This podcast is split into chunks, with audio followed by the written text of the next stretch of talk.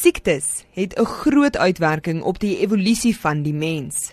Baie antieke patogene of dan mikroorganismes en virusse en bakterieë wat siektes veroorsaak, lei tot vandag toe jaarliks tot die dood van miljoene mense. Dit word wyd aanvaar dat die mens sy oorsprong in Sub-Sahara Afrika het. Maar daar is nie duidelikheid oor watter siektes dieselfde oorsprong het nie. Het siektes dan in Sub-Sahara Afrika ontstaan en dit van hier na die res van die wêreld versprei deur migrasie?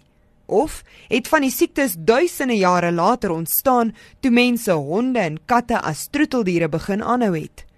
Dr Rian Rifkin van die Universiteit van Pretoria se departement van genetika het die vraag probeer beantwoord by die 8ste jaarlikse Oppenheimer de Beers Groep Navorsingsberaad. Hy en sy span is op soek na prehistoriese siektes. Kyk na siektes wat miskien in die toekoms problematies kan raak en vir siektes vandag nog steeds soos TB en ander siektes probeer ons om evidence van hierdie siektes te soek in argeologiese grotte, grotte en rotsskuilings en sulke goed. So ons haal die DNA uit die grond uit en ons analiseer dit en ons kyk wat daar was. Hy sê hulle spoor verskillende DNS op van onder meer mense, diere en siektes. Imagine vir 'n oomblik jy maak nooit jou kombuis se vloer skoon nie. Jy bly in 'n huis vir 10 jaar, jy was nooit jou vloer nie, jy vacuum nooit jou vloer nie. So al daai stukkies, elke kat, elke hond, elke al jou vriende, al die kos wat jy geëet het, klein bietjies stukkies DNA van al daai goed gaan binne in die gaan gaan op die vloer wees. En dis dieselfde met 'n argeologiese site. Um, hierdie mense het nie uh, stofsuiers gehad nie, so die vloer was vuil, al die DNA gaan binne in die sand in. So ons kan ons kan uh, jou jou dieet uh, rekonstrukt, ons kan uh, siektes uh, se DNA daar uitkry. Dis dis baie interessant.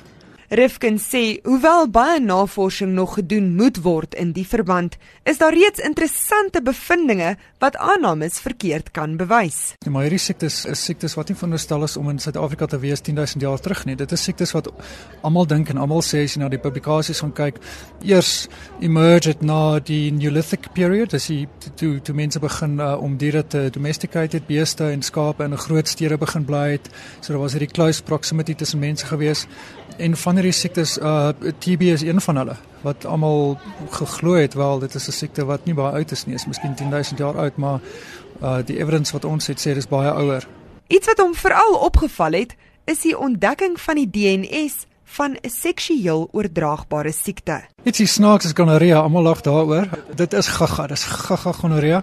Uh ja, ons het ons het gonorrea by by een van die een van die sites gekry op in 'n in 'n laag wat so 10000 jaar oud is en dis ook snaaks want ons dink altyd dat dit 'n probleem geraak het weer eens na domestikasie in groot stede so uh, monogamy was 'n beter opsie geweest. Mense het agtergekom hoor dit is beter om met een partner te bly want daar's goggos en goeters wat die rondes maak as jy nie by een mens bly nie en uh, maar in hierdie geval bewys ons daai teorie verkeerd um, want die groepe wat hier geleef het 10000 jaar terug was klein groepies van 5 of 10 mense wat een keer 'n maand of een keer elke 6 maande ander mense en ander groepe gesien het en so klein populasie was groot genoeg vir hierdie siektes om om te persist en te versprei.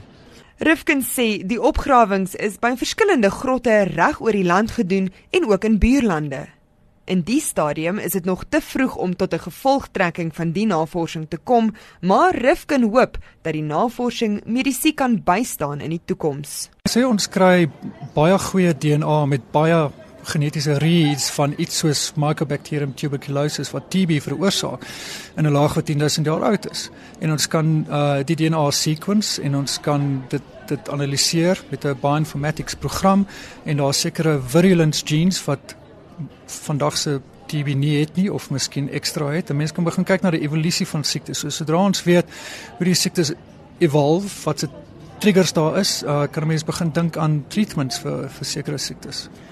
Dr Rian Rifkin is verbonde aan die Universiteit van Pretoria se departement van genetika. Ek is Henry Wondergem vir SAK nuus.